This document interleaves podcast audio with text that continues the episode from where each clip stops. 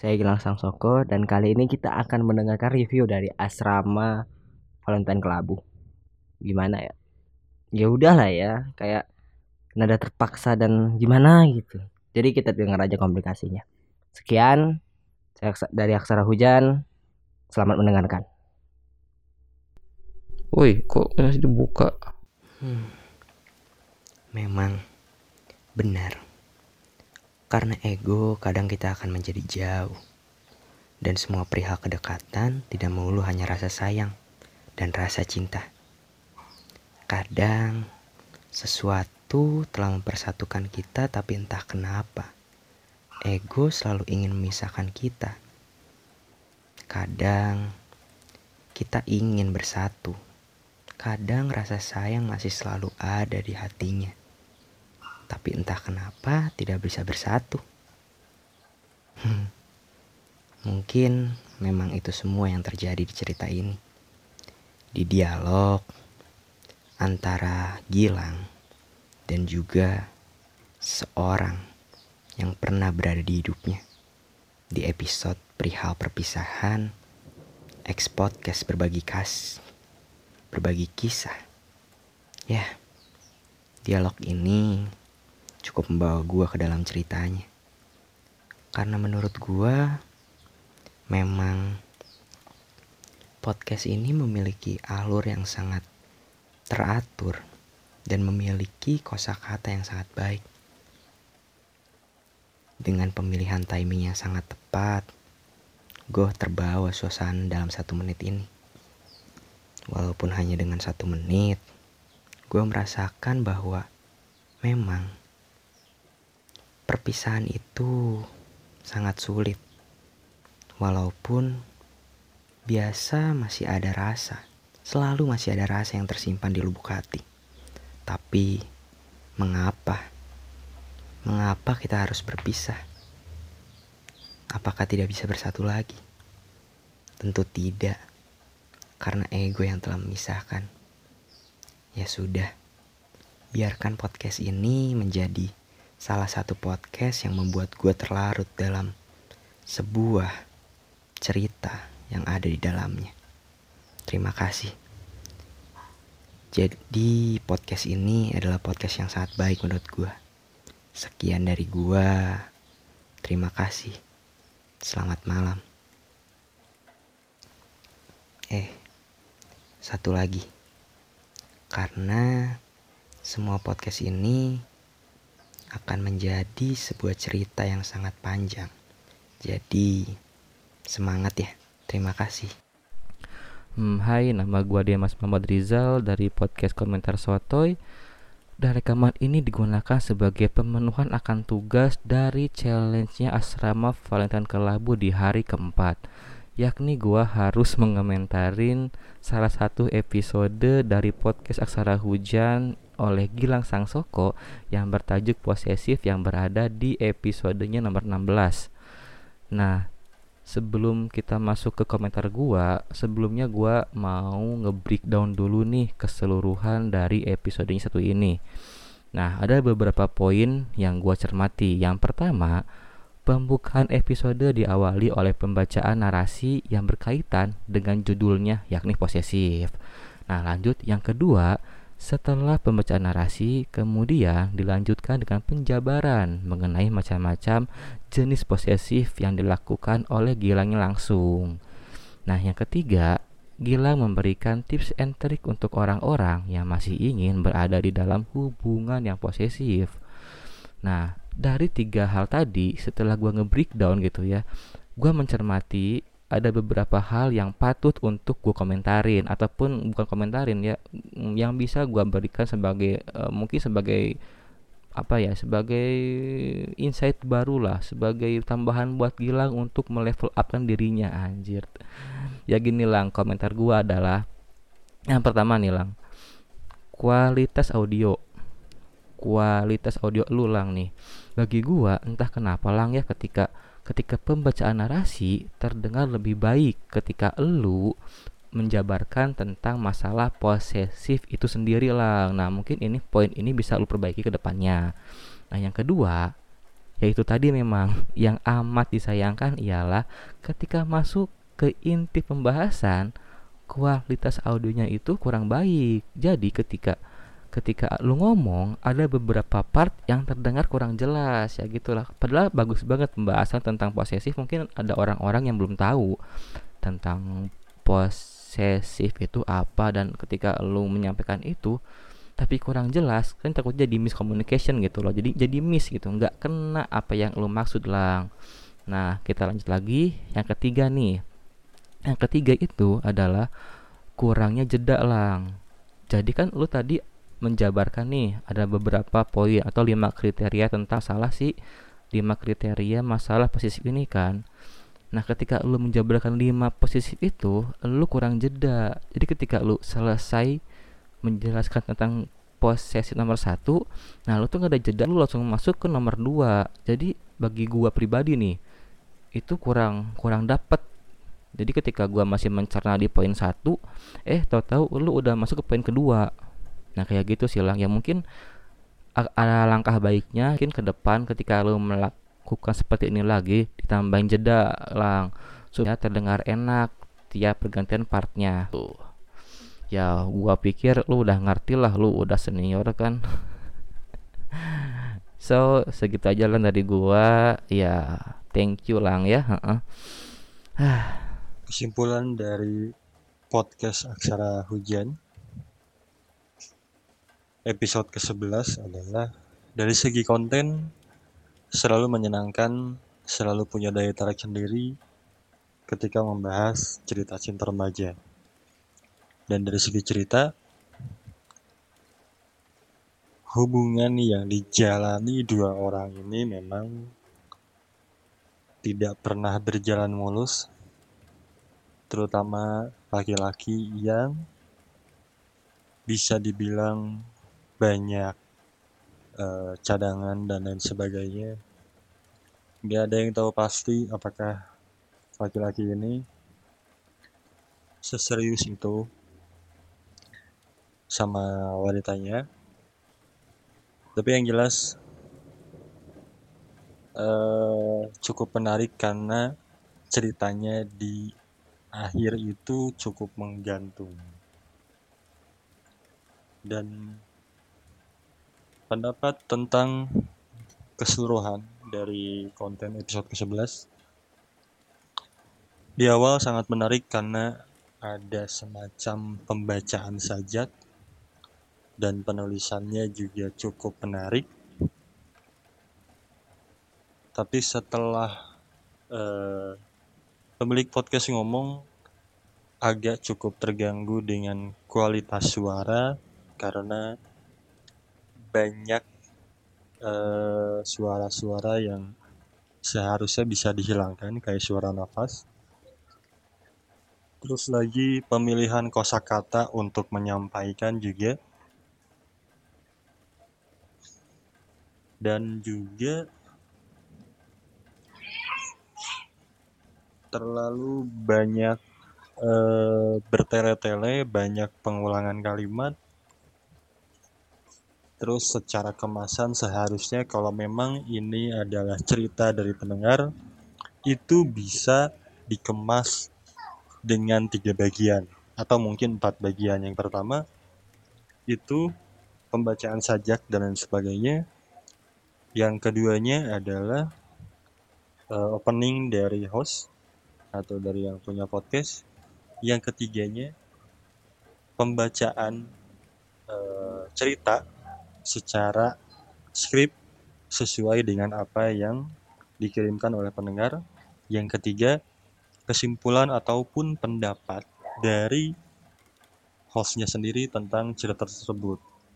Jadi mungkin bisa jauh lebih dikemas ulang lagi dan kualitas audio bisa lebih diperbaiki dan terutama intonasi dan artikulasi yang harus diperjelas. Ya, Mas Gilang. Ini adalah podcast dengan podcastnya Aksara Hujan ya. Episode yang ke-14 judulnya self love di saat orang suka menjatuhkan dan menghina. Ini adalah episodenya tantangan 30 hari bersuara. Di deskripsi disebutkan bahwa kalau kita dikasih cobaan yang bertubi-tubi, jangan insecure, kita mesti coba bangkit dan memanai lagi. Mencari makna maksudnya. Nah, podcast ini lebih apa ya? Kalau dikatakan sebagai podcast puisi, kayaknya kurang pas karena lebih banyak isinya kayak motivasi. Tapi kalau disebut motivasi, suara Mas Gilang kurang menggebu-gebu, musiknya terlalu pelan, bahkan secara keseluruhan itu sangat-sangat pelan gitu ya. Mungkin masukan aja mungkin bisa agak diperbaiki ke depannya gitu ya, suaranya bisa agak dikencengin gitu ya. Karena ini sangat-sangat pelan gitu ya. Terus intinya begini, ketika kita ini ingin memulai sesuatu, yang pertama harus kita lakukan adalah kita mesti mencintai diri kita sendiri kita mesti tahu potensi-potensi kita, kita mesti tahu kekuatan-kekuatan kita. Kalaupun kemudian ada rasa penolakan terhadap kekurangan-kekurangan yang ada di diri kita, kita bisa bangkit kok. Kita bisa memperbaiki dirinya. Dan satu hal lagi, kita jangan anti sama yang namanya kritik. Kritik sepedas apa pun hanya diberikan kepada orang atau pihak yang punya kemampuan. Jadi, kalau kita dikritik, intinya itu adalah karena kita punya kemampuan, dan kritik yang harus kita saring adalah kritik yang membangun. Jangan pernah dengarkan kritik yang menjatuhkan, karena biasanya ini akan melemahkan.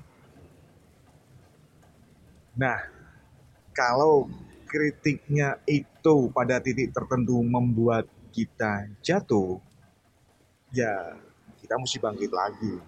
Dikritik kita jatuh lagi, ya kita mesti bangkit lagi. Sampai berapa kali? Ya sampai kita terus bangkit dan kemudian kritik biarlah menjadi kritik.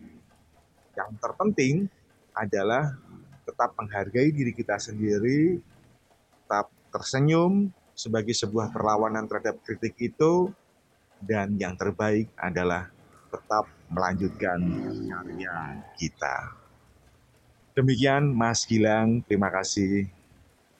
Podcast Aksara Hujan bersama podcast Curi Arti sangat menarik.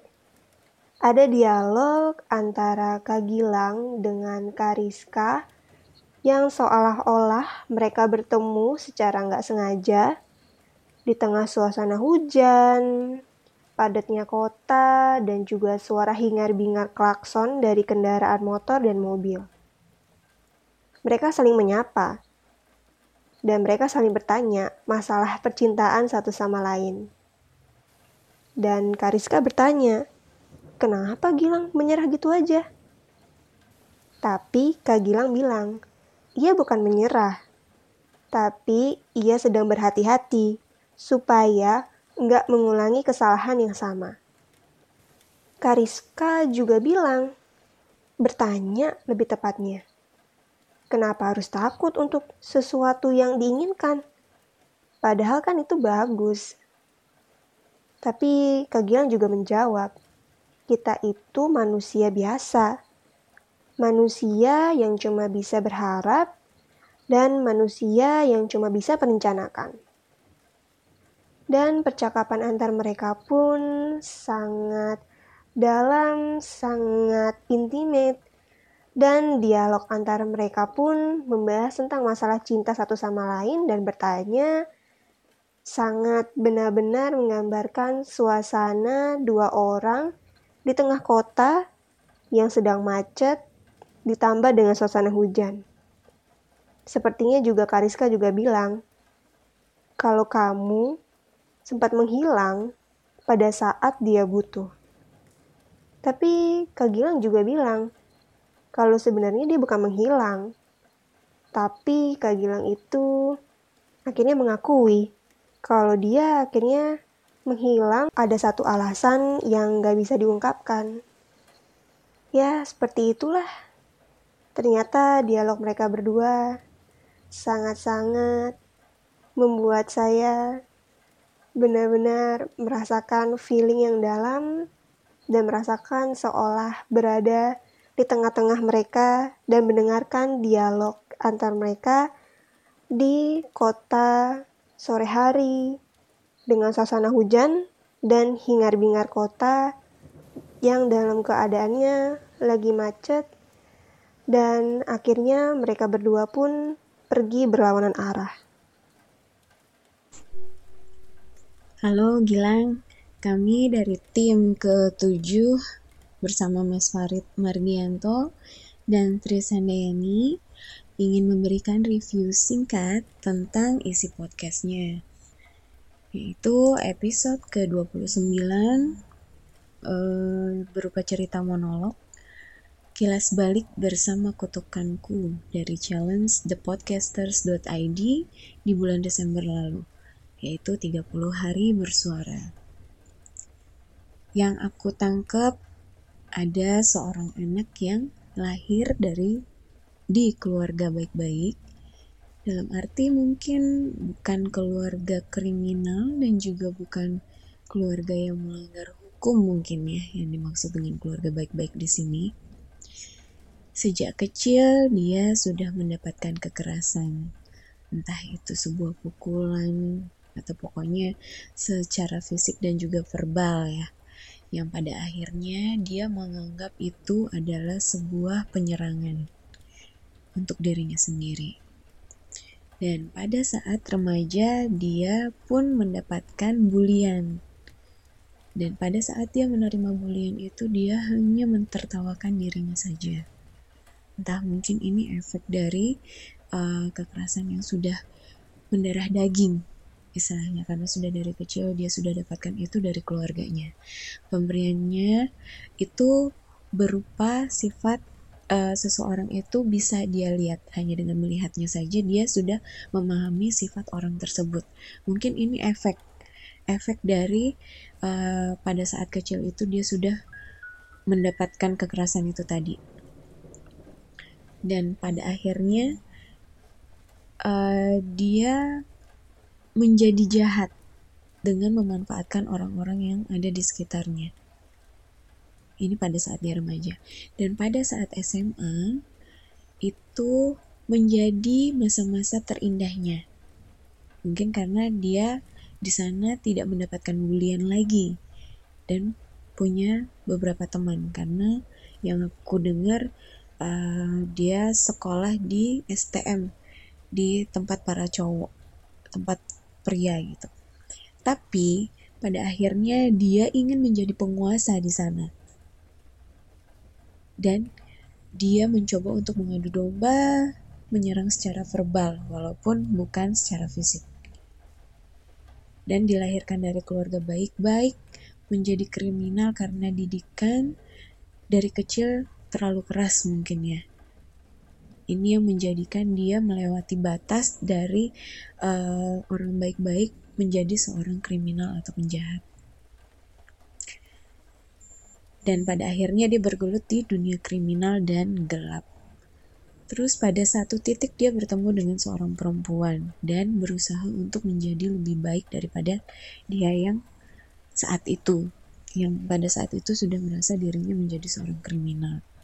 Dengan menggunakan kemampuannya, dia berusaha untuk membantu orang sekitarnya.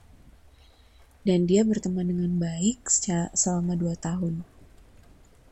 Dan kemudian muncullah masalah yang tidak disebutkan, yang pada akhirnya dia mencoba untuk uh, pergi dan pada saat dia ingin pergi itu terjadi kesalahpahaman dengan sahabatnya. Dan akhirnya sahabatnya pergi tanpa kabar. Dan kembali lagi ke dirinya sendiri, dia menjadi benci pada diri pada dirinya sendiri. Dia sadar kesalahannya tapi ini pilihan terbaik.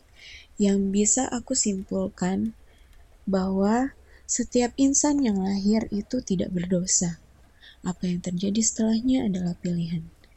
Bagaimanapun kerasnya hidup, apa yang sudah terjadi tidak bisa diputar kembali, dan jalan yang masih kita punya ada di depan. Selama masih bernafas, kita punya kesempatan untuk memilih jalan yang lebih baik untuk kembali mengulang, untuk tidak kembali mengulang kesalahan yang sama. Semangat Ardi, aku mendukungmu menjadi lebih baik lagi. That's it. Thank you. Tak ada yang pasti dalam sebuah hubungan. Yang sudah menjadi calon juga bisa berakhir menjadi mantan. Tapi berpisah tidak berarti berhenti berbagi kisah. Karena bagaimanapun, sama-sama pernah merajut kasih dan hadir di kehidupan satu sama lain. Namun terkadang berbaikan tidak selalu harus berbalikan. Dia yang sudah berbuat kesalahan, kadangkala harus pergi dari kehidupan. Herannya, Para mantan kadang menjadi jauh lebih menarik setelah putus dari sebuah hubungan. Entah dia berusaha lebih merawat diri, menjaga sikap, ataupun berusaha tetap ramah meski dalam hati masih menyimpan sebuah amarah. Ada pula yang berpisah justru kembali bersama dan menjadi selamanya. Mereka yang sama-sama belajar dari kesalahan dan menjadi orang yang lebih baik dengan berjanji pada diri sendiri tak akan mengulangi kesalahan yang sama mereka kembali bersama, dipersatukan oleh hal yang bernama kenangan. Perasaan bisa mati, namun kenangan tidak akan bisa dihapuskan. Hati bisa berhenti merasa, namun pikiran akan terus mengulang kejadian-kejadian. Yang terpenting dalam sebuah hubungan adalah kepercayaan. Percaya satu sama lain kalau tak akan saling mengecewakan. Sesungguhnya, Pembuat jarak yang sebenarnya adalah sebuah kesibukan. Tak berkabar, kadang membuat diri merasa diabaikan. Komunikasi itu penting. Kirimlah pesan sebelum ia memberi pesan pada yang lain. Jangan tunggu punya waktu luang untuk berkirim pesan. Tapi luangkanlah waktu meski hanya untuk bilang sayang. Jika sibuk tak bisa diterima, mungkin pisah adalah jawabannya. Tapi jangan salah, bisa jadi dia sibuk untukmu. Sibuk memataskan diri untuk menjadi tulang punggungmu, atau dia sedang sibuk memataskan diri untuk menjadi tulang rusukmu. Kalau kata Wiranagara, berbiasalah, berbahagialah. Hidup tak melulu soal hati yang dipatahkan. Kata-kata perpisahan ataupun kecupan yang berakhir menjadi sebuah kenangan. Berusahalah untuk selalu percaya bahwa dia yang melewatimu bukanlah jodohmu. Dan dia yang menjadi jodohmu tak akan pernah melewatkanmu. Kau hanya perlu mencari, karena dia mungkin sedang bersembunyi. Kau hanya perlu mengejar, karena dia mungkin sedang berlari. Atau kau hanya perlu menyapanya. Karena dia mungkin menunggumu untuk memulai sebuah kisah bersama. Obrolan yang tadi ku dengarkan membuatku sadar bahwa menunggu bukanlah hal yang sia-sia. Karena waktu selalu akan menjadi jawabannya. Waktu yang tepat memang tak akan pernah bisa diartikan. Hari ini, minggu depan, bulan depan, tahun depan. Tapi waktu tak akan pernah menjadi masalah jika orang itu pantas ditunggu dan hatinya pantas untuk dipertahankan.